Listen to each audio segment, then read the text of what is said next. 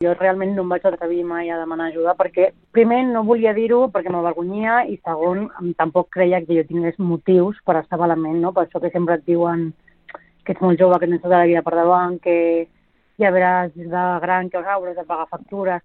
La Sandy ha patit un trastorn mental. Ara és activista d'Obertament, una entitat que es dedica a combatre l'estigma que encara provoca aquesta malaltia.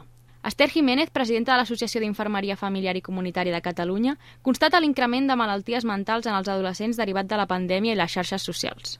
Hi ha molts nens que estan amb depressió i que això no era habitual abans en, en adolescents eh, temes de potser agressivitat, mm, no tolerància a la frustració, no? i això genera també un malestar, la pressió social que hi ha de tots els likes, de ser no? de, de, de mostrar-se també com a que estàs feliç, estàs superbé i després per darrere no és així.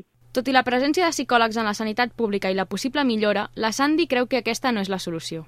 Si la societat, si els professors, si els eh, companys de feina no, no canvien una mica l'actitud i no vivim en una societat més lliure d'estigma, per molt que tu vagis a teràpia, si el teu entorn continua discriminant, no, no estaràs mai recuperat no? i continues sentint-te malament.